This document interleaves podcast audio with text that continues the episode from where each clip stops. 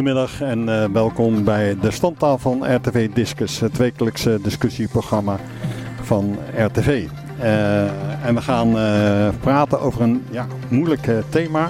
Dat gaat over mishandeling van voornamelijk vrouwen, maar ook ontdekt dat er ook mannen mishandeld worden. En zelfs een opvang is voor mannen, opvanghuis voor mannen. maar we gaan er vooral over praten ja, dat klinkt heel raar eigenlijk wat ik wil zeggen van na de mishandeling. Maar het uh, de, op gang brengen als je uit het huis komt. Uh, geen werk, geen inkomen. Nou, kortom, hoe gaan we weer uh, op, op de rails komen? En daar heeft schuldenopla schuldenlab en nou, ben ik de andere naam kwijt. Perspectief. Ja, in Frensies had ik een beetje, maar heeft er wel mee te maken. Uh, Schuldenlab en Perspectief uh, hebben daar een project voor gestart uh, om de vrouwen te helpen. We hebben een exclusief gezelschap aan de tafel. de wethouder, Cavita Parinon. Um, van het CDA. van de VVD. Dat dacht nog, ik. Nog ja, nee, denk, nou ja, misschien kun je nu overstappen. Dan is het college morgen Nee, daar. dat gaat niet zo snel nu. Nee, hè? Het is vechten om, lijkt wel op het kabinet meer om de mannetjes en vrouwtjes dan uh, om de inhoud. Uh, goed, Erik-Jan Bos uh, van het Schuldenlab en meer Neerman Atlantis. Fijn dat je er weer bent. Het is wel een jaartje wat geleden ja, dat we elkaar voor de corona denk ja. ik. directeur van de stichting Jasmin en Mirjam Fadoudi. Marjam Fadlawi. Marjam Fadoudi van de... Fadlawi. Van de Lawi. Perspectief. Goed. Yes. Eerst maar beginnen met uh, een beetje de omvang uh, van het probleem. Uh, want we hebben er al eens meer programma's over gemaakt. maar neemt het toe? Dat is de vraag. aan een aantal onderzoeken zie ik dat het toeneemt. Mag ik de eer aan de wethouder geven om. Ja, of het toeneemt. En um, laat het hebben over toename van huiselijk geweld. Hè? Ja. Um, wat we zien is dat uh, het, geweld uh, niet is veranderd. En um, we, uh, als ik even terughaal de cijfers van 2021, want daar rapporteren we dan nu komende weken over. Dan hebben we vorig jaar ongeveer 6000 meldingen gehad bij Veilig Thuis. Mm. En uh, daarvan zijn er ongeveer 4000 adviezen uh, opgegeven. En dat betekent dus dat er dan iets aan de hand is. En dat er dan uh, hulp en begeleiding komt ja. bij gezinnen. En de kinderen die dan in de gezinnen zijn. en vorig jaar was een coronajaar, hè, het jaar daarvoor ook. En we hadden uh, met z'n allen de zorgen na, na, de eerste twee maanden van de lockdown, uh, die, dat wellicht zou gaan toenemen. Dat er vermoedens en beelden begonnen te ontstaan dat hè, met thuiswerken en ook thuisonderwijs er veel stress, druk en ook nog escalaties zouden, zouden kunnen gaan plaatsvinden. Alleen de cijfers in 2020 en 2021 wezen niet op een toename van de, in de aantallen. Uh, dus geen verandering, uh, maar ook geen toename. Wat je wel ziet is, uh, en dat laten bijvoorbeeld cijfers van eenzaamheid zien en, en, en andere cijfers, is dat mensen meer stress ervaren. Dat er meer eenzaamheid onder ook de wat jongere generatie, de jongeren en de, en de, de alleenstaande jongvolwassenen, nu is geregistreerd. Voorheen spraken we heel vaak over eenzaamheid onder de senioren. En er zijn ook ouders die, die ervaren stress en druk vanwege hè, alle ballen in de lucht houden thuis. Het duurde natuurlijk lang. Maar er zijn ook ouders die veel meer rust uh, ervaren hebben met uh, het gezin thuis. Veel vaker samen thuis zijn, thuis eten, thuis dingen doen. Dus uh, dat gevoel van geluk is ook wel, ja. tes, komt ook wel te sprake. Mm -hmm. Dus echte harde cijfers over uh, meer slachtoffers van geweld of meer in de opvang. Maar dat moeten Mirjam, uh, moet Mirjam maar even over vertellen, hebben we niet. Wat we ook hebben gedaan aan, aan het begin van, van die periode. Uh, want de zorgen waren groot. Hè? We, mhm. we weten nog, we schoten allemaal in de stress van wat gebeurt er straks als de opvang vol zit. En je, moet, je moest al rekening houden met uh, de maatregelen, anderhalve meter afstand enzovoorts. We hebben ook extra plekken toen gereserveerd op, uh, in hotels en andere locaties. Van mocht het zo zijn dat. Dus vooruitlopend op he, hebben we dat soort dingen gedaan. Nou, dat heeft, was niet nodig geweest. Uh, en dat was ook alweer goed. Ja. Um, uh, ik ga even naar de, de praktijk. Uh, zeker. Uh, ja. Jasmin, de stichting Jasmin, ja. vrouwenopvang, vrouwen. Nee, vrouw, nee, ja, ja, ik, was, ik was er was een jaar gepraat. Vrouwenorganisatie. En richt zich op vrouwenemancipatie. Ehm, wat merken jullie daarvan, van de vrouwenmishandeling? Nou ja, we, we zien natuurlijk in de praktijk dat er heel veel leed is. En niet alle vrouwen de, ook de stap zetten om een veilig of een opvanghuis terecht te komen. Het duurt heel lang. Tot ze eindelijk besluiten van dit is nu genoeg. Dus wat wij vaak zien zijn niet die vrouwen die nu in een veilige uh, thuis of opvang zitten. Mm. Maar wij zien juist vrouwen die mm. heel vaak toch te maken hebben met huiselijk geweld, geestelijke mishandeling, psychologische mishandeling. En die dan bij ons komen om uh, met een nou ja, verloren zelfvertrouwen. Niet weten wat, die, wat, wat er gaat gebeuren. En die dan ook weer behoorlijk veel stress en gezondheidsproblemen meemaken. Ja. En ons taak in, daar dan in is vrouwen wel bewust te maken van wat zijn de signalen, hoe kan je dat herkennen, wat kan je ervoor doen, wat, welke mogelijkheden zijn er in de stad dat je, je kan helpen. En uh, gewoon luisterende uh, informatievoorzieningen, coachen ja. op persoonlijke zelfvertrouwen. En dan, en dan kijken van wat er gaat gebeuren. Ik ben heel gelukkig dat er in corona niet ging escaleren. Maar wij zijn ook wel praat om te gaan aan de telefoon, appjes van jongens, mij, vrouwen, als er iets gebeurt, app ons, gaan wij gewoon aan de slag. Um, maar dat bleef uit, was normaal, zoals doktercijfers uh, laat zien. Maar mensen hebben wel behoorlijk veel stress ervaren. Want de vrouwen die waren van de man vaak ging werken, of naar de café, of ja, die, die, waren, die waren ineens thuis. Ja, ja. En dat, de vrijheden waren daar weg van vrouwen. En dat, die ervaring is dan wel in praktijk. Mirjam, uh, perspectief, uh, ja, hoopvol uh, woord is dat, ja. maar is het ook hoopvol? Nou, dat proberen we wel te zijn. vanuit de Stichting is meer benoemd ze zojuist al. Hè, op het moment, daar gaat een heel proces aan vooraf, alvorens de vrouwen en ook de mannen, de slachtoffers van huiselijk geweld, zich bij ons melden. En daar zijn we ons enorm bewust van. wij spelen ook enorm in op ja? op het aansluiten op, op die kwetsbaarheid. Um, en daarin proberen wij ook heel laagdrempelig te zijn als het aankomt op hè, uh, de interventie die wij de afgelopen twee jaar hebben ingezet om, om die drempel te doen verlagen. Hebben we ook best creatief moeten zijn. Hè. We schromen niet om uh, hè, in plaats van mensen of de vrouwen en de mannen bij ons op bezoek te laten komen, uh, toch even een, een, wandeling te maken of ja. af te spreken in, in, het, in het park. Om, om niet op te vallen. Want wat je ziet uh, als het aankomt op de drempel, vinden mensen het gewoon weg lastig. Enerzijds uit angst, maar ook uit schaamte om om hulp te vragen.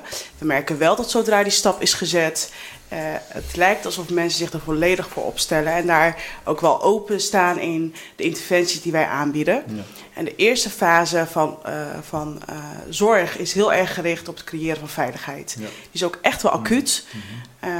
Um, we proberen ook aandacht te hebben voor de vrouwen, de kinderen en de mannen te, te laten aarden. We weten dat ze komen uit een enorm ambivalente situatie die in sommige gevallen ook jaren heeft geduurd. Uh, maar we vragen ook best wel veel in heel kort tijdsbestek. Ja. We gaan er dadelijk verder op in, maar ja. perspectief, de organisatie, doen je alleen maar de vrouwen of doen je nee, meer? Of? Wij doen uh, wij faciliteren de volledige opvang en, en, en begeleiding binnen uh, regio Haaglanden. dat is voor, we hebben mannenopvang, we hebben jonge moederopvang, we hebben reguliere vrouwenopvang en ook een crisisopvang. Ja. Dus we, en allemaal betaald door de gemeente? Wij worden ondersteund inderdaad, gelukkig door de gemeente. Ja, zeker. Ja. Ja. Ga ik even naar uh, Schuldenlab. Ja, ja dat, dat, wordt is vaak bekend, uh, maar vertel, wat is de organisatie Schuldenlab 070 moet ik erbij zetten? Ja, het is een landelijke organisatie, begrijp uh, er is ook een, uh, een, landelijk schuldenlab wat meer zorgt voor de, het uitrollen van succesvolle pilots en projecten. Um, uh, in Den Haag bij Schuldenlab 070 is eigenlijk vijf jaar geleden ontstaan. Toen uh, um, ging het over schulden. En het idee was, ja, die schuldenproblematiek wordt alleen maar groter. Er komen alleen maar uh, meer mensen in de schulden. Um, terwijl er komt niet meer geld bij om dit op te lossen. Dus je zal echt naar uh, nieuwe manieren moeten kijken, ja. innovaties. Um, en dat niet alleen, maar ook met de hele stad. Dus met banken, verzekeraars, welzijnsinstellingen ja. van alles. Ja, want ik heb een verhaal gelezen uh, dat de methode zoals we nu toepassen met rond schuldsanering, mm -hmm. dat kost een hoop geld en levert heel weinig op. Uh. Terwijl je um, beter kan zeggen van uh, we kwijtschelden en na drie jaar uh, kan iedereen weer een nieuwe start maken. Nou, dat zijn uh, inderdaad richtingen waar je naar zou kunnen kijken. Het is, we hebben wel het systeem heel ingewikkeld gemaakt. En wij proberen daar met Schuldenlab, proberen we daar wel... Dat is Den Haag toch? nou, het, ik denk heel Nederland een beetje hoor. Maar... Hey, jammer. Ja, oké. Okay. Maar we hebben, het systeem is ingewikkeld. Ja. Ja, uh, complex zijn heel veel verschillende wetten, uh, regels. Um, nee, ik zou wel eens die uh, mensen in de stad die laten zich niet opdelen in een nee. jeugdwet, een wet maatschappelijke ondersteuning, participatiewet. die hebben problemen. Dus je moet ja, kijken hoe ga je dat oplossen. Nou ja, bij Schuldenlab proberen we dan met nieuwe manieren op het gebied van schulden en armoede dat te tackelen. Ja. We gaan het zo over, de, over die manieren hebben. Ja. Um, even, even terug naar de mishandelde vrouwen.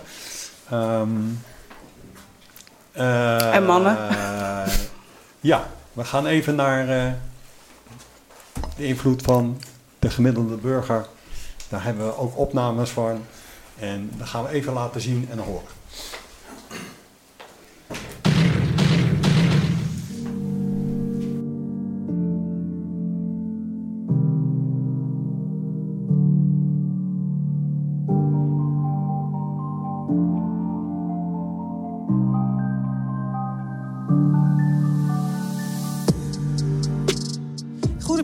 Deze week het onderwerp mishandeling voor vrouwen. Normaal krijg ik mensen wel voor de camera, maar dit keer is het gewoon een heel erg beladen onderwerp. En dat mensen te emotioneel, of vrouwen meestal, te emotioneel zijn om over te praten. Dus we hebben gedaan wat we konden, krijgen, uh, konden doen, maar helaas niet zoveel. Denkt u dat er veel vrouwenmishandeling voorkomt? Ja, ik denk het wel. Ik denk het wel, ja. Ja. Ja, dat denk ik wel.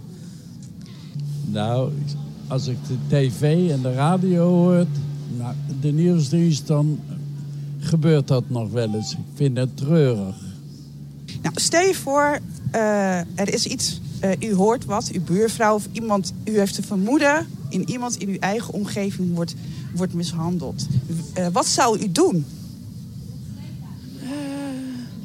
Ja, dat vind ik wel lastig. Ik, ik, ik, ik hoop eigenlijk dat ik die vrouw zou aanspreken. Maar ik heb er wel in gehoord dat, dat, ze dat niet zo makkelijk dan vertellen. En misschien dan ja, dat ik naar de wijkagent zou gaan. Ja, ik denk dat ik zoiets zou doen hier. Ja, ja wat zou ik doen? In mijn positie ken ik heel weinig. Ik, het enige wat ik zou kunnen doen is de politie bellen. En dat zou ik ook doen. Nou, eerst zou ik het even aankijken. En toch eventjes aanbellen.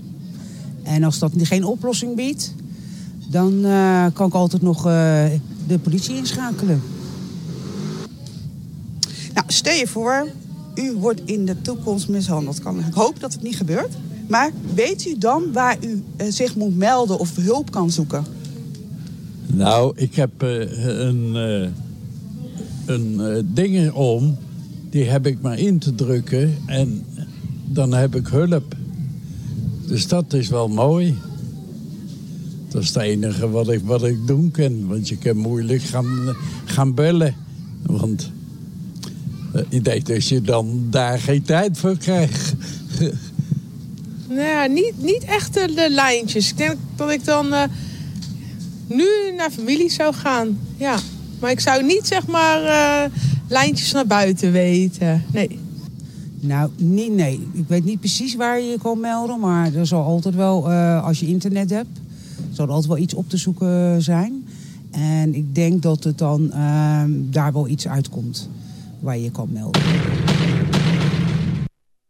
Ja, dat is de, de mening van de straat. eh, althans, eh, de, voor zover ze ook eh, bekend werden. En nou ja, u heeft het gehoord, ze willen sowieso niet eh, voor de camera. eh, hè? Dat is al een eerste opvallende bezigheid. Over die meldingen, want we hebben, ik zeg, we hebben al eens meer programma's gemaakt. en daar zou van alles aan gedaan worden om het melden makkelijker en beter te maken. Veilig, veilig thuis speelt daar een rol in. Wat is jullie zicht daarop? Is het makkelijker geworden? Want ik hoor ook eh, de laatste tijd wat negatieve verhalen over veilig thuis. Maar Ja, als het gaat om het melden, dan eh, een paar jaar geleden is die meldcode aangescherpt. En ehm, dat heeft ehm teweeg gebracht dat eh, gemeentes aan de lat staan voor hoe meld je laagdrempelig en, hoe, en dat hebben wij in de afgelopen jaren, de meldcode ging in, de aangescherpte in 2018, als ik het goed heb. En wat ehm, ehm, organisaties in de stad, hè, want, want denk aan scholen, dus niet alleen de meest voor de hand liggende, Centrum CEG en zo, dat zijn de, de voor de hand liggende, maar ook alle welzijnsorganisaties, vrijwilligersorganisaties, organisaties die, die, die mensen zien, kwetsbare wijken, die met kinderen omgaan, die hebben we dan allemaal gevraagd om, en daar waren er allerlei eh, trainingen en, en signaleringstrainingen voor eh, zijn gegeven aan vrijwilligers of eh, mensen zijn gecoacht. En er is daar op die manier bekendgemaakt hoe je eh, dat, Maar heb je- dat heb je 0800 nummer, die meldcode kan gebruiken. gezien eh, of daar verandering in is gekomen? Want ik heb Ja, het is, het onderwijs, is zelfs, zijn, huisarts. ja, ja, huisartsen, ik wil net zeggen voor volwassenen, hè, want scholen gaat om kinderen. En het is zelfs zo ver gegaan dat er ook een, een soort van plan aan scholen is gevraagd om, zodat je dat ook echt doet. Eh, nou, toen kwam een beetje toch weer die corona, want dan was er geen onderwijs en, en, en dan eh, is dat, dat signaalfunctie is eh, uiteraard dan weggebleven. Totdat, en daar was ik dan wel weer blij mee, dat de kinderopvang en scholen wel open gingen voor kinderen van kwetsbare gezinnen. Zodat je dan niet hè, als moeder of als vader de hele dag opgezadeld zit met een kind waar, wat, waar er extra aandacht of begeleiding nodig was. Nou, dus eh, eh, zo is dat gegaan. Eh, wat je ziet is, in die twee jaar, 18 en 19, zijn de cijfers van meldingen toen gestegen. Ja. Ja. Dus aan de ene kant kun je zeggen, het heeft gewerkt. want er werd, je, je werd getraind op signalen, op signaleren en op melden. Dus die stap naar melden is belangrijk. Dus wat, wat er hier ook gezegd wordt, vo- vooral bij volwassenen, vrouwen die dan hè, niet aan de bel trekken of te lang erover doen, om wat voor reden dan ook. Eh laaggeletterdheid, hun kwetsbaarheid, de afhankelijkheid die er thuis is, de angsten die er zijn eh, in diverse culturen, hè, daar spreek je niet over, want dan is het taboe. En dat is een belangrijke eh, eh, onderdeel in onze samenleving, in het Haagse, waarvan we blij zijn dat we bijvoorbeeld een stichting Jasmin hebben. We hebben een aantal organisaties, dus huiselijk geweld werkt nu ook samen met eh, emancipatie, om juist via de weg van bijvoorbeeld in het centrum hebben we de Schildersweeksmoeders, in eh, Laak hebben we vorig jaar een vrouwenbuurtlab opgezet. Om juist daar een plek te creëren waar je en die vrouwen ziet, om wat voor reden dan ook. Maar ook daar het gesprek aangaat. Van als het niet goed gaat, hoe kun je dat desnoods op een anonieme wijze. We zijn ook aangesloten bij een anonieme chat. Zodat ze dat eh, kunnen bespreekbaar kunnen maken zonder al Maar, naam ke- en maar kennelijk blijkt, eh, en ik zit even te denken aan de, de, de nieuwe pas opgerichte Stichting Vrouwen in Eskamp, heet dat geloof ik. Ehm, en Dus die behoefte is er en dat moet je dan hè, met elkaar eh, realiseren, zodat de vrouwen op welke manier dan ook daar naartoe gaan. Want je hebt natuurlijk digivaardigheid Ja. en laaggeletterdheid speelt en staat enorm in de weg als, al, als we alles digitaal doen en via de socials en het dan Ja. nog niet hè, eh, eh, eh, gebruikt wordt door. door eh, Het menselijk contact moet weer Ja. terug. eh, Dus we proberen het, maar ehm, ik geloof al meteen dat we er nog niet zijn. Want ik zei ook, het is niet toegenomen, het is ook Nee. niet veranderd. Nee. Het aantal meldingen is hoog. Ja, nou ja, en, en het, het blijft moeilijk, eh, zeker, want we merken dat hier ook wel eh, de participatie van bepaalde groepen eh, op een heel laag of helemaal niet plaatsvindt. En dan moet je blijven investeren. En ik, ja, dan roep ik altijd, niet met brieven, niet met folders. Je zult huis aan huis langs moeten. Ik, ik zie jou instemmend knikken, Marjan. Ja, dat klopt. Wij, eh, vanuit perspectief zeggen we ook, veiligheid maak je samen. En dat is omdat wij ons enorm bewust zijn dat juist daar waar die drempel zo hoog lijkt, je hem heel laagdrempelig moet opzoeken. En dat is in een veilige basis. En dat is wellicht die buurvrouw waar je eh, één keer in de week op de zondag een, bakje koffie doet, eh, waar je wel de ruimte voelt om je verhaal te doen. En van die mensen moeten we het denk ik ook hebben als het aankomt op hoe help je elkaar.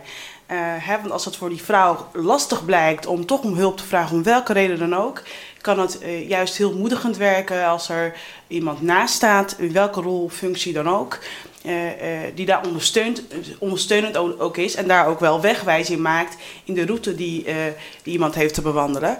Ehm, en dat is niet alleen aan de voorkant, maar dat is vooral ook aan de achterkant. Achterkant, Als we kijken naar de wijze waarop wij onze interventies inzetten, is dat heel systeemgericht. Dat doen wij bewust, want wij weten op x moment komen wij weer uit beeld of gaan wij weer uit beeld. Ehm, en willen we juist die veiligheid borgen in het systeem. En dat is de omgeving, de nabije omgeving. Mhm. Dat zijn buren, Ja. familieleden.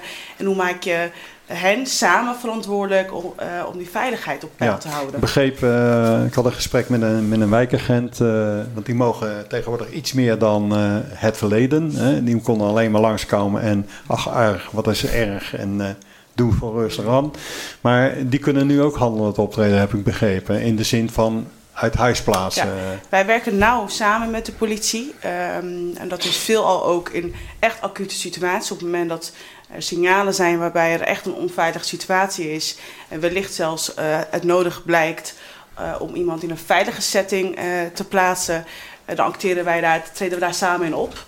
Eh, wij vanuit onze exper- expertise als het aankomt op van hey, is er daadwerkelijk sprake van een onveilige situatie en wat kunnen we daar direct in betekenen? Want dat is ook Mhm. wat nodig is. Hè? Er, er, zijn, eh, er is heel veel hulpaanbod, eh, maar men schroomt ook om die hulp te vragen, omdat ze dan denken: oké, dan vraag ik om hulp, hoe lang moet ik dan wachten? Kan ik dan ergens terecht?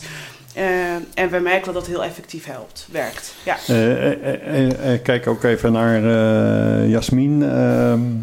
Is er voldoende eh, eh, potentieel? Eh, komt de wijkagent bijvoorbeeld bij jullie ook op bezoek? en is er dan, hè, Ja. melden is één ding, maar dan moet er actie worden ondernomen. Heb je het gevoel dat er genoeg is? Nou ja, we hebben op de Brouwersgracht hebben wij de wijkagent in huis. we, hebben voor, we hebben een spreekuur. Ja. En dan kunnen vrouwen die onveilig of niet bij eh, bekenden. Want het is namelijk zo, je sociale netwerk is ook niet altijd zaligmakend. Hè? Want ook binnen bepaalde culturen zullen, eh, als het verhaal eruit komt, willen ze ook niet ondersteunen. want, eh, omdat ze zelf bang Als je zijn. dan kijkt weer naar onderzoeken, dan blijkt vaak de, degene die het, de dader is, toch uit de directe omgeving Ja, van de ja, persoon komen. Dus ja, hoe Ja. veilig is dat dan? Nou, het is. ehm, kijk, het, het duurt al voordat het vrouw de stap zet om het te melden. Of voordat het bij de organisaties bekend wordt. En zij moeten, want wij zijn als organisaties verplicht om een melding te maken.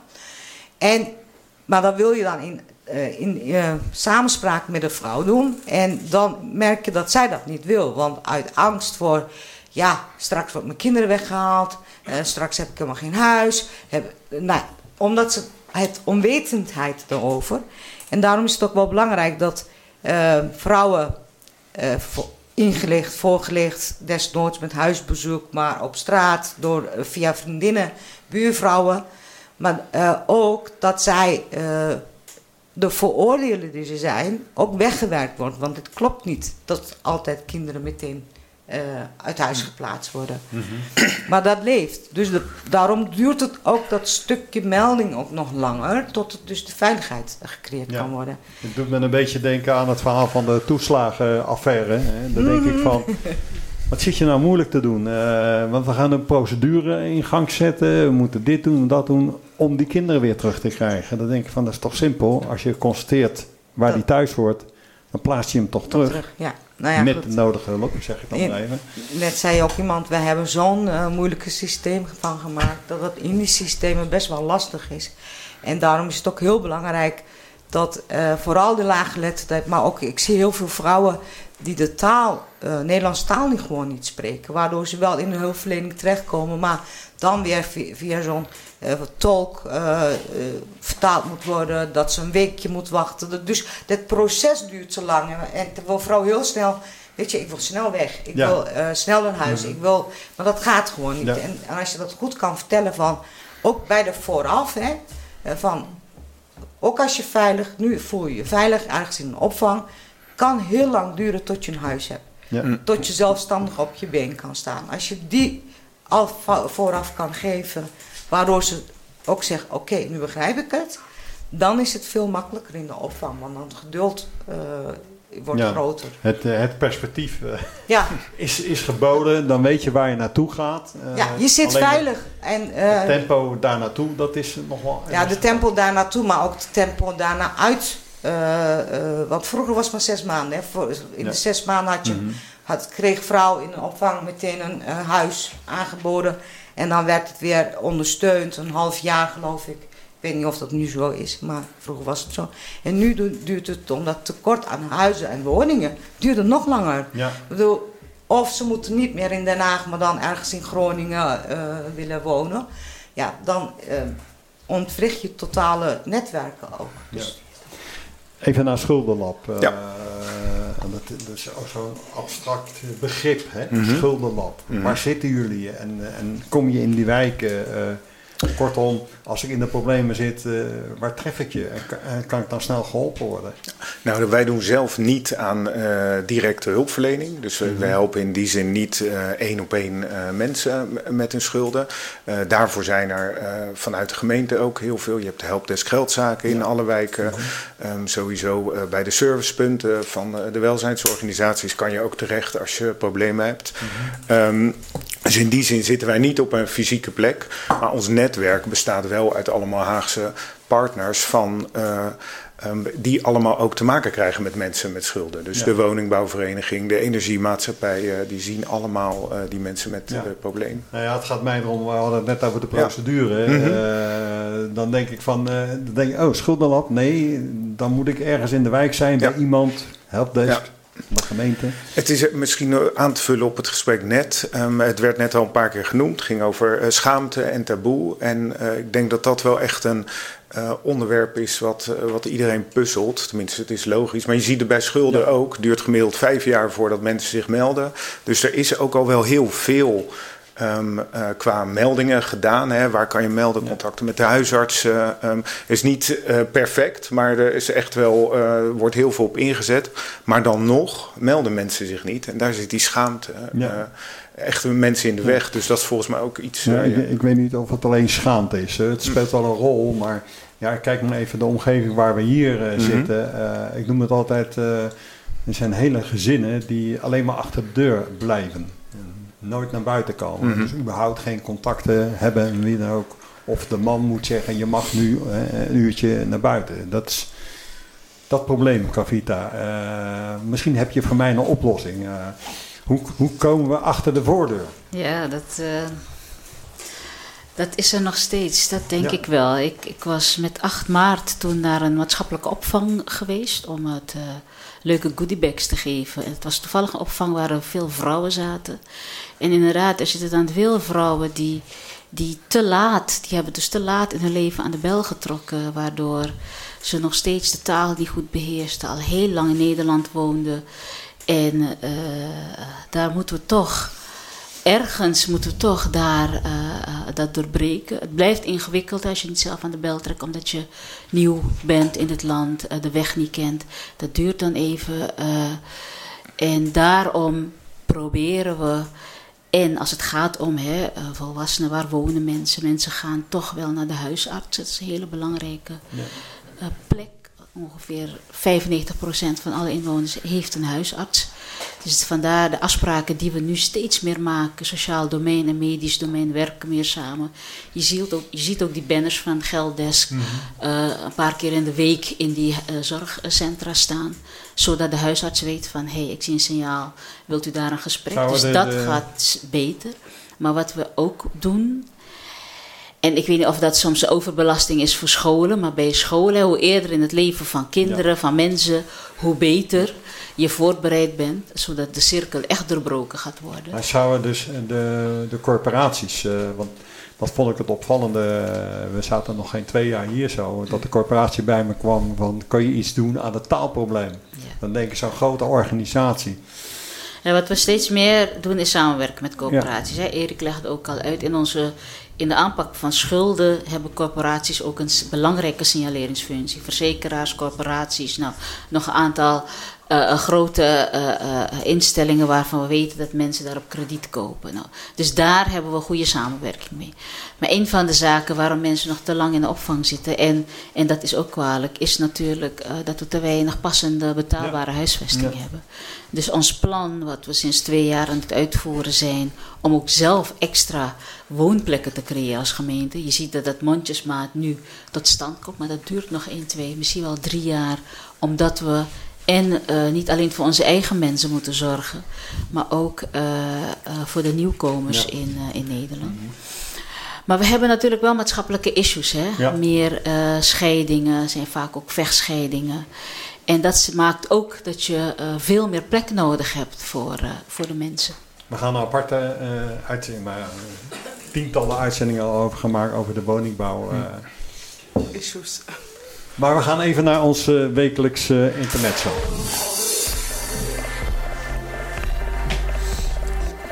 De column vandaag wordt gelezen door Inkut Jummerij. Er worden weinig liedjes geschreven over geweld achter de voordeur. Macy Grace finally made me happy when you walked out that door is dan ineens een parel. Zeg eens eerlijk, hoeveel gezinnen kent u met geweld achter de voordeur? En dan niet vals spelen met Lil Kleine, die de moeder van zijn kind aan haar haren de deuren uithielp, de, de, de auto uithielp. Hoe vaak ging het de afgelopen weken tijdens verjaardagen over moeilijk rondkomen? Ik vermoed dat het nooit gaat over de schulden van Henk en Ingrid. Of dat hij haar ongenadig de tyfus slaat. Of meer subtiel, de emotionele chantage en vernedering die de een of andere bijgoochem zijn huisgenoot laat ondergaan. Hij praatte me een schuldgevoel aan en ik deed alles om hem te pleasen. Hij bestelde spullen op mijn naam en verstopte de rekeningen. En na de lange adem van mooie beloften en steeds grotere leugens begint het jarenlange slooptraject. Niemand hangt graag de vuile was buiten. En over hoeveel schaamte kun je je heen zetten? Als de blauwe plekken niet meer door de tatoeages bedekt kunnen worden, begint als je geluk hebt de gang naar het blijf van mijn lijfhuis. Ik bedoel dat geluk hebben niet cynisch. Het is een heldendaad, niet ontstaan uit zelfliefde, maar vanuit doodsnood. En vaak is de geweldspiraal daarmee nog niet ten einde. Na een time-out gaat de bel voor de volgende ronde. Vanwege de kinderen of omdat een spijtverhaal de gewonde ziel laafde, gaat men terug. En dat soms drie keer of meer. En geloof me, het slachtoffer heeft niets aan uw opmerking dat men onderhand beter moet weten. En nu word ik wel cynisch. Noem de marktwerking binnen de zorg. Zo'n time-out in zo'n opvanghuis heeft meestal een maximumduur van zes maanden. In die tijd moet het hulptraject op poten staan. Er is een tekort aan hulpverleners, jeugdzorgmedewerkers, psychologen en aan nieuwe woningen. De spoken van een jarenlange giftige relatie komen niet allemaal langs in de eerste zes maanden. Als het fysieke herstel is ingezet, volgt de lange weg van jezelf terugvinden. Een beschadigde geest in dat geschonden lijf. Schaamte en vaak schuldgevoel naar de kinderen. Het eventuele huwelijk wordt dan, nu dan officieel, verder ontrafeld. Als het lukt om die scheiding op de rails te krijgen, blijkt het tekort aan rechtbankcapaciteit. Jarenlang emotionele uitwoning past niet in het stramien van hulpverlening met een stopwatch. Wanneer het allemaal is gelukt, boeman buiten beeld, de scheiding uitgesproken en de nieuwe school voor de kinderen, begint pas het echte werk. Het overzien van het financiële slagveld, het letterlijk opmaken van de rekening. Weer op eigen benen staan. Op dat moment stopt maar al te vaak de muziek. Het strijkorkest van de hulpverlening. Einde verhaal. En voor de rest van het opnieuw verkregen leven afhankelijk van soos en voedselbank. Het idee van schuldhulpverlening is afbetalen van je schulden. Ons sociale vangnet van geen cent te veel zet dat nieuw verkregen leven in de wachtkamer, totdat tenminste drie jaar boete is gedaan. Korte termijn denken kortwiekt de mishandelde mens opnieuw. Studeren mag niet vanuit de bijstand. Ik ben blij dat de gemeente Den Haag samen met Instituut voor Publieke Waarden en Schuldenlab 070 met de pilot is begonnen. 40 vrouwen, schuldenvrij en met toekomstperspectief uit de opvang laten stromen. Overigens overkomt het ook mannen. Ik hang nog geen slingers op. Ik heb een vraag voor verantwoordelijk wethouder Parbu Dayal. Hoeveel letterlijke ruimte krijgt Schuldenlab en dat instituut van de politiek? Hoeveel tijd is er? Wat prevaleert? Het welslagen van de pilot of het helpen van de zwaarst mishandelde met de hoogste schulden? Marktwerking in de zorg heeft geleerd dat er beperkte tijd en ruimte is binnen de hulpverlening. Als voorbeeld de jeugdzorg, kapot bezuinigd en ingericht op basis van aanbesteding. Prestatiegericht werken, waardoor gekozen wordt voor jongeren met de lichtste problematiek. Om de moordende concurrentie voor te zijn en omdat het moet slagen, blijft zorg voor de zwaarste gevallen achterwege. Ze verdienen die zelfstandige, schuldenvrije toekomst. Waak over deze 40 vrouwen als een leeuwin. Spaar hen voor eikels en bijgogens. Spaar ze voor hobbels vanuit wetten en regels. Spaar hen voor uitwassen vanuit de politiek.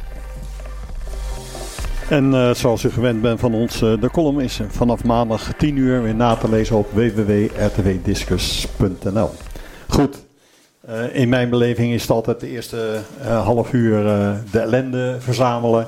Maar nou wil ik graag horen in, in, in het tweede half uur, wat zijn de oplossingen? Nou, Perspectief en Schuldenlab hebben een project bedacht. Ja. Geert-Jan, wat houdt dat in? Erik Jan, ja. Uh, Erik Jan. Nee, maakt niet uit. Um, uh, het doel van de, uh, die pilot is om 40 vrouwen van drie verschillende opvanglocaties in Den Haag um, met perspectief en schuldenzorgvrij weer de opvang uit te laten stromen. Um, om ze zo dus echt een nieuwe start te geven. Um, er gebeurt al hartstikke veel uh, in de uh, vrouwenopvang. Uh, mensen worden ook goed geholpen.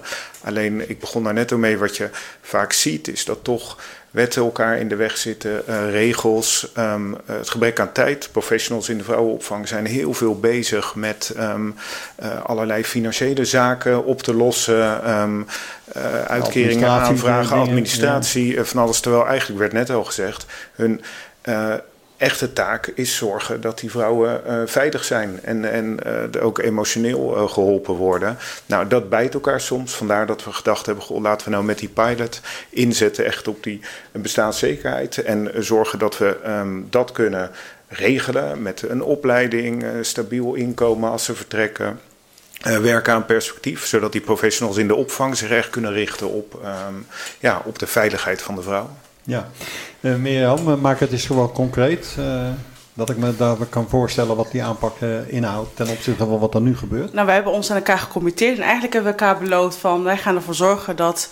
En het is een doorbraakmethode, hè? dus die 40 ja. vrouwen die we nu, die nou onderdeel zijn van, van deze pilot. daar willen we eigenlijk mee oefenen in, in de positieve zin. Kijken wat echt daadwerkelijk nodig is om, om die patronen te doorbreken op uh, in het systeem, want dat is waar het om gaat, ja. de knelpunten waar we Altijd tegenaan lopen. Ja. um, en daar hebben we een pilot voor uit, uitgezet van een jaar om te kijken van hé, hey, uh, wat is er nou daadwerkelijk nodig om, uh, om, om aan te sluiten bij de zorgbehoeften. Ja. En van daaruit te kijken van hé, hey, hoe kunnen we dat. maar wat, dat je, wat doe je nou niet wat je vroeger wel deed? Al die papiertjes, proceduretjes? Nou, ik denk dat je dat het papierwerk ontkom je niet. Uh, alleen dat zou wel fantastisch zijn als we daar, uh, als we de, de, de hobbels op de weg uh, kunnen, ja. kunnen, kunnen betegelen in die zin. Uh, en dat is, dat is wat we willen. We willen ja. geen uitzonderingspositie, maar we willen niet dat het lastiger verloopt dan nodig. Ja. Nee. Maar, oh. ja, Ik kan, nee, ik kan wel een, uh, een voorbeeld geven. Um, uh, de, en dat was eigenlijk ook een beetje de aanleiding uh, van de pilot. We zijn pas net gestart. Um, maar dat was een, een, jonge dame die um, ging uitstromen. volgde een opleiding tot tandartsassistente. Daar had ze een schuld bij. zij kon uitstromen. Um, maar het was hartstikke ingewikkeld om die schuld te regelen. Hoge schuld, ja, dat ga je dan niet zomaar betalen. Dan moet je dan naar een schuldhulpverleningstraject. Ja. Maar zij wilde heel graag tandartsassistent worden. Had ook uh, stage geregeld al waar ze zou gaan wonen. Nee, en dan zie je dat uh, zo'n vrouw, ondanks alle goede bedoelingen, uitstroomt met die schuld bij die opleiding, niet de opleiding af kan maken in de gemeente waar ze naartoe gaat, een uitkering aanvraagt. Ja, en eigenlijk met 1-0 achter uh, die opvang uh, verlaat. Ja. ja. Nou ja, wij hebben toen gezegd als voorloper van die pilot: oké, okay, wat, wat wil zij, wat heeft zij nodig om de toekomst weer op te bouwen? Um, dat ze die opleiding afmaken. Ja. Dus wij hebben die schuld betaald van die opleiding. En dan ga je wel kijken, goh, wat, wij betalen dat nu, maar wat levert het op hè, voor de maatschappij? Zij gaat, uh, wordt tandartsassistent, is een groot tekort. Nou ja, dat is een voorbeeld van wat we dan anders zouden willen doen uh, in deze pilot. Nou, de, de, wethouder weet natuurlijk alles van regeltjes en van procedures. dat is een algemeen verhaal wat je vaak hoort bij probleemsituaties. Dat de regelgeving eigenlijk oplossingen blokkeert. Hoe, hoe kijken u er tegenaan? Ja, kijk, ik, ik, ben zelf wethouder, dus ik moet me ook ja. houden aan de wet. Um, nee, het, ja, is, wet het, is, het is natuurlijk zo dat, dat met regels zijn, dan, zijn er dan weer een aantal dingen geregeld. Hè. We moeten het wel een beetje kunnen snappen en volgen.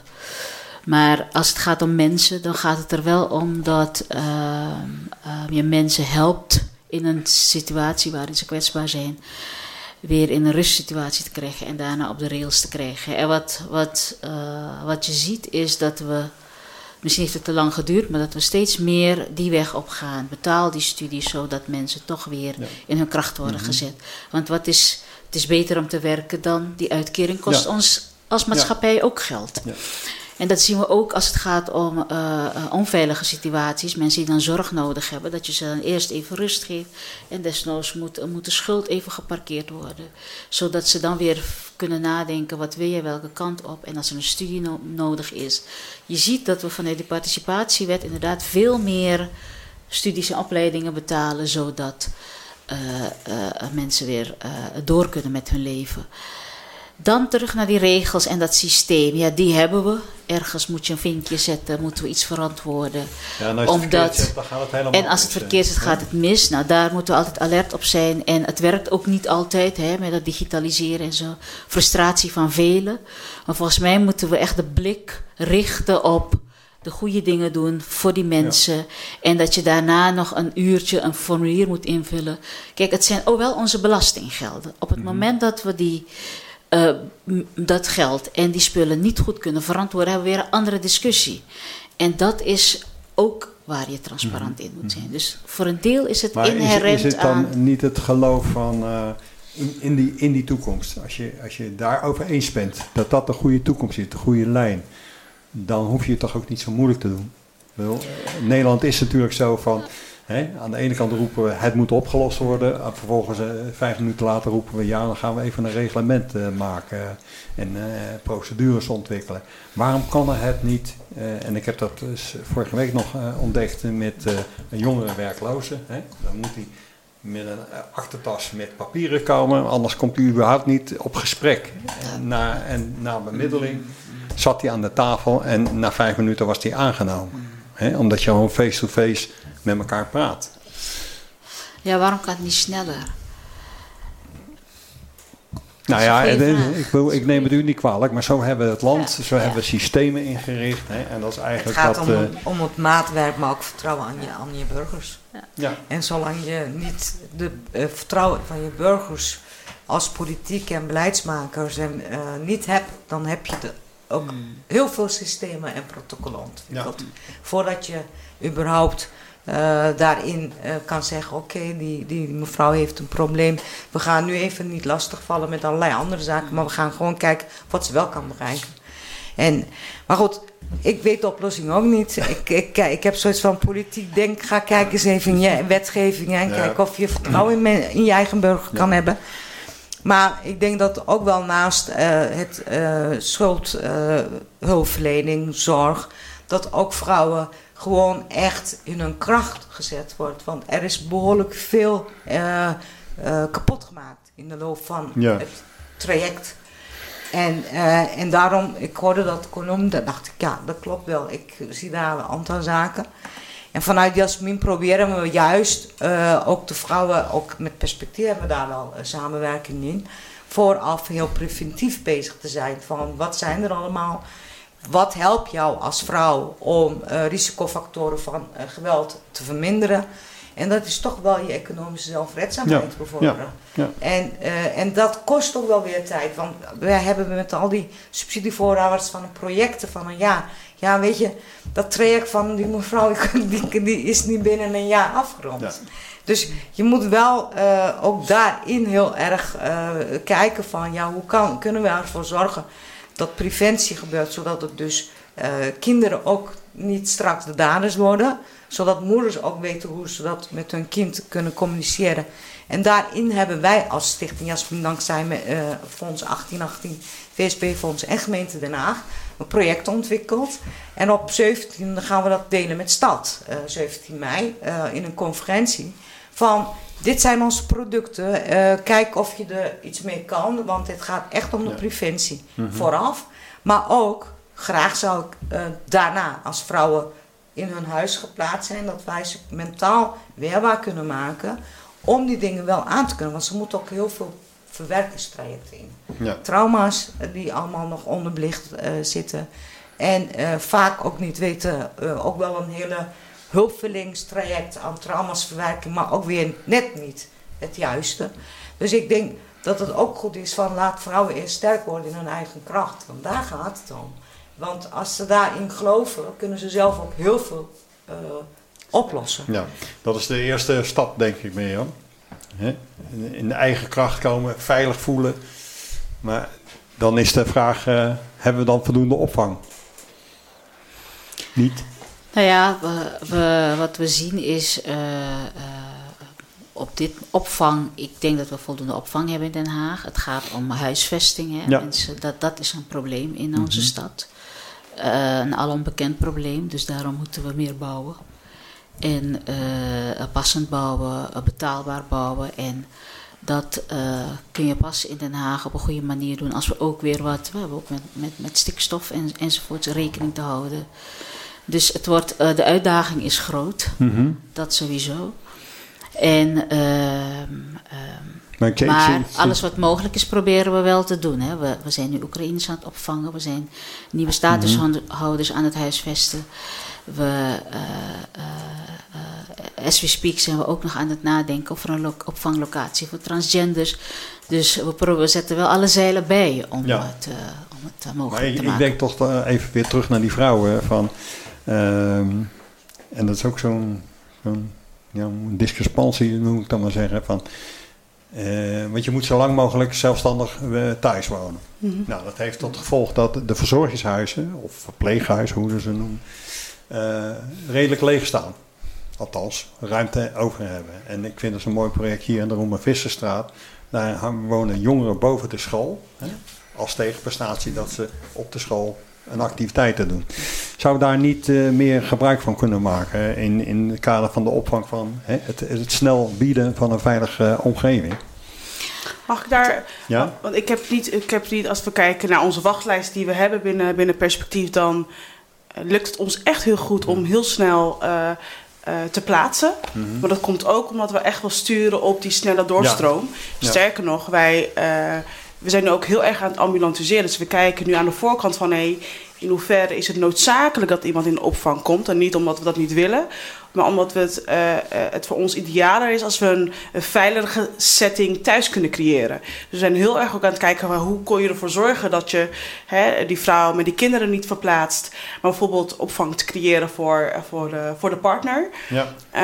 Um, um, want een opvanglocatie is niet ideaal. Laten nee. we dat vooropstellen. Nee. Ik, ik vind het eigenlijk heel jammer dat het er is. En ik zou eigenlijk toe willen werken naar het, het, het minimaliseren en toe te werken naar een veilige basis in het thuisfront. Maar je, je hebt toch de eerste dagen toch even nodig dat zo'n vrouw eh, of een man Ja, ja. eh, tot ja, rust kan komen, kan nadenken, eh, kortom. Zo, geef zomaar aan, eh, tenminste ik denk eh, dat dat niet binnen een paar dagen opgelost is. Nee, Dat en, je daar- en- nee, dat is er ook. Dat faciliteren we ook. Daar hebben we zelfs... eh, hebben, we- de richtlijn is zes maanden, hè, maar het is niet op de zesde maand dat we denken: hé, hey, Ja. eh, nu zit je tijd erop, eh, ruimte maken voor de volgende. We, we, eh, we doen wat er nodig is en we stromen pas uit op het moment dat er een basis is. Eh, wat ik er alleen mee wil zeggen is dat we de opvanglocaties gewoon weg niet ideaal vinden. Omdat Nee. ook dat is een nare ervaring, merken wij voor de kindertjes, maar ook voor de vrouwen. Dus we, willen hem heel erg aan de voorkant. Ja. Dat begint, Ja. dat begint bij de jongeren. Mhm. Het begint bij hè, aansluiten op hey, de ervaring van die kindertjes in het thuisfront. En hoe zorg je er nou voor dat ze die trauma's goed verwerken? Hoe zorg je er nou voor dat, ze, eh, eh, dat daar de zorg op aansluit? Zodat je voorkomt dat die kindertjes die we nu in de opvang krijgen, later mama en papa zijn en weer met hun kinderen Ja. eh, Ja. in de opvang Ja. worden ontvangen. Dus- En ik denk dat als je het hebt over duurzame veiligheid en het doorbreken, doorbreken van die cirkel van huiselijk geweld, Dan moet je op gaat scholen die- beginnen. Gaat, juist, gaat die veel verder dan, hey, hoeveel hebben we nou genoeg opvangplekken? Maar wat moet ik dan voorstellen dat je al op scholen doet? En, en is, daar, is daar vanuit de onderwijswereld dan... ik denk, knikt ja, eh, vertel maar. Ja, we hebben wel programma's om kinderen op een, eh, een, een eh, eh, leuke, een fijne manier eh, kennis te laten maken met huiselijk geweld, misstanden. Wat doe je dan? Hoe maak je het bespreekbaar als je iets bij een vriendinnetje ziet? En dat doen ze in de vorm van theatervoorstellingen. Zo wordt het dan opgebouwd. In groep 8 eh, eh, wordt er dan wel iets meer informatie gegeven, maar via puzzels en zo. Dus het, het, het wordt op die manier, en zo gaat het dan ook naar de, de middelbare school voortgezet onderwijs. Dus ja, ik wil nog één ding zeggen over crisisopvang. Daar hebben we ook absoluut geen eh, eh, problemen mee. Er is altijd plek voor die eerste ja, ja. 24 24 uur of de eerste twee keer 24 uur. En u zei net, eh, eh, benut dan, hè, als, als er eh, vastgoed leeg komt te staan bij. Dat is onderdeel van het hele, de hele zoektocht die Ja. we al doen in Den Haag. Dus ja, zodra er verpleeghuizen zeggen, nou wij eh, schalen af of we bouwen, eh, gaan verbouwen en er is ook ruimte voor, dan hebben we op heel veel plekken nu samenwerking met eh, hen om ook opvang te creëren voor Ja. eh, Ja. ja, andere, andere Dus groepen. in de opvang zit het niet. eh. Een aantal plekken niet. Wil ik wel aansluiten op. eh, we, we, we zijn onze, onze visie op het wonen. In de opvanglocaties zijn we aan het herzien. ja. Eh, want wij vinden dat het echt anders moet, Moet. in, in Haaglanden. Ja. Eh, we hebben daar ook echt wel fijne gesprekken over eh, of mee met, met de gemeente. Dus we zouden heel graag naar een andere setting willen waarin je de opvang, de, de duur van de opvang, ehm, eh, eh, wilt verfijnen. Ja. We, willen, we willen dat het niet zozeer een fijne herinnering wordt, maar dat er niet meer terug wordt geblikt op van hé, hey, dat heb ik echt niet als fijn ervaren. Want dat, en dat zit hem niet in de begeleiding, maar de setting. De kamers vinden wij veel te klein. Ja. Zijn Ze willen ook gewoon lekker zelfstandig Ja, worden. ja, ja. ja. En die weg naar zelfstandig worden willen we verkorten. Daarom willen we, we noemen het ook liever zelfstandig wonen eh, eh, met, zorg aan Ja. huis. Huis, Hè? Ja. En eh, als je het de mensen ook vraagt, die willen ook heel kort eh, begeleid worden en daarna weer hun leven doorpakken. Dus, en daar hebben we wel een probleem. Hè? En de uitstroom naar, dat, naar die Ja. zelfstandigheid, Ja. Dat En dan, dan kom je op het traject van eh, huisvesting, inkomen, Ja. onderwijs, nou, noem maar Ja, op. ja, ja. Goed, we zijn eh, bijna aan het eind. Dus ik wil even nog, eh, hoewel er geen college is, maar ja, god, je weet nooit wat eh, invloed de Cavita nog heeft. eh. De zaadjes planten. wat zijn de wensen, eh Erik-Jan, eh, wat jou betreft, waar de politiek aan zou moeten werken? Nou, dat, ga- dat gaat er inderdaad over het, het, het mogelijk maken van uitzonderingen. Het, eh, ehm, ja, het gaat niet om soepeler omgaan met regels. Want hè, voor 94% van eh, mensen werken die regels wel. Maar wel als de situatie daarom vraagt, dan ook. Ja. Ja. vanuit politiek, bestuur te zeggen... nou, god, in de- deze bijzondere situatie zien we dat dat nodig is. En snel, graag. Snelheid ook, ja. Eh Neil, eh, heb jij nog wensen voor Nou die ja, ik heb mijn wensen al sowieso vanuit Stichting Jasmin al duidelijk gemaakt. Eh, eh, graag eh, nog steeds aandacht aan emancipatie blijven besteden. Eh, dat is heel belangrijk, want zonder dat... eh, emancipatie gaat niet alleen maar om vrouwen. Hè. Nee, vooral de mannen. ook om Vooral de mannen. Eh, Want dat is heel belangrijk. En daarnaast heb ik zoiets, uh, nou ja, goed. Ook Zuidwest uh, moet ook een aandacht krijgen. Dat vind ik ook wel heel belangrijk, want we zitten ook Zuidwest. Gebied met veel problemen. Een gebied met onwijs veel problemen. Ja, maar ook alleen maar over de huizen en niet over de mensen. Uh, participatieproblemen ja. zitten er ook.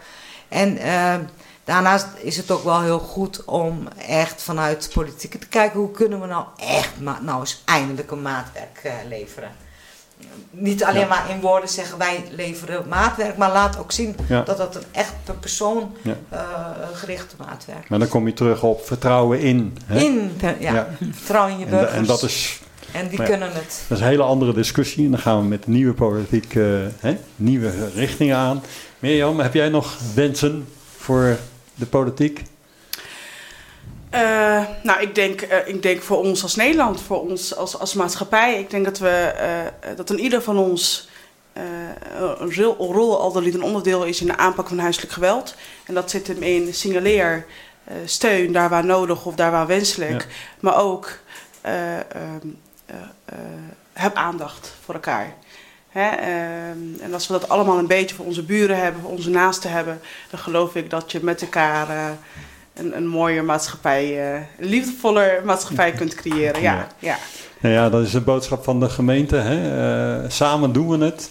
Alleen of we het ook echt doen. Samen moeten we het doen. Ja, Want die 10% ongeveer, hè, mensen die vastlopen voor wie het ingewikkelder is, daar moeten we een doorbraakplan, uh, geld, mensen en, en de, de systemen bij elkaar zetten, zodat zij daar zichzelf niet in verliezen. En als we op die samenwerking, dat zie ik bij de gemeente en, en met alle partijen in, in de stad steeds beter gaan. Als we daar die front office goed inrichten, zodat als je binnenkomt en dan weet je kwetsbaar, laaggeletterd, een beetje moeilijk, uh, uh, vanuit een bepaalde culturele achtergrond waar schaamte heerst, dat je daar ook die approach goed doet. Dat je dat snapt, dat er eventueel een tolk nodig is voor de eerste gesprekken. Ja. Dus we hebben die uh, zaken wel. En de vraag is, hoe komt het snel bij elkaar, zodat die mensen niet die, die moeilijke regels hoeven te ervaren. Ga je dan nog wat aan doen? Blijf je in de politiek? Uh, wil je weer wethouder worden? Ik ben raadslid nu sinds ja. 16 maart. Dus ik blijf wel in de politiek.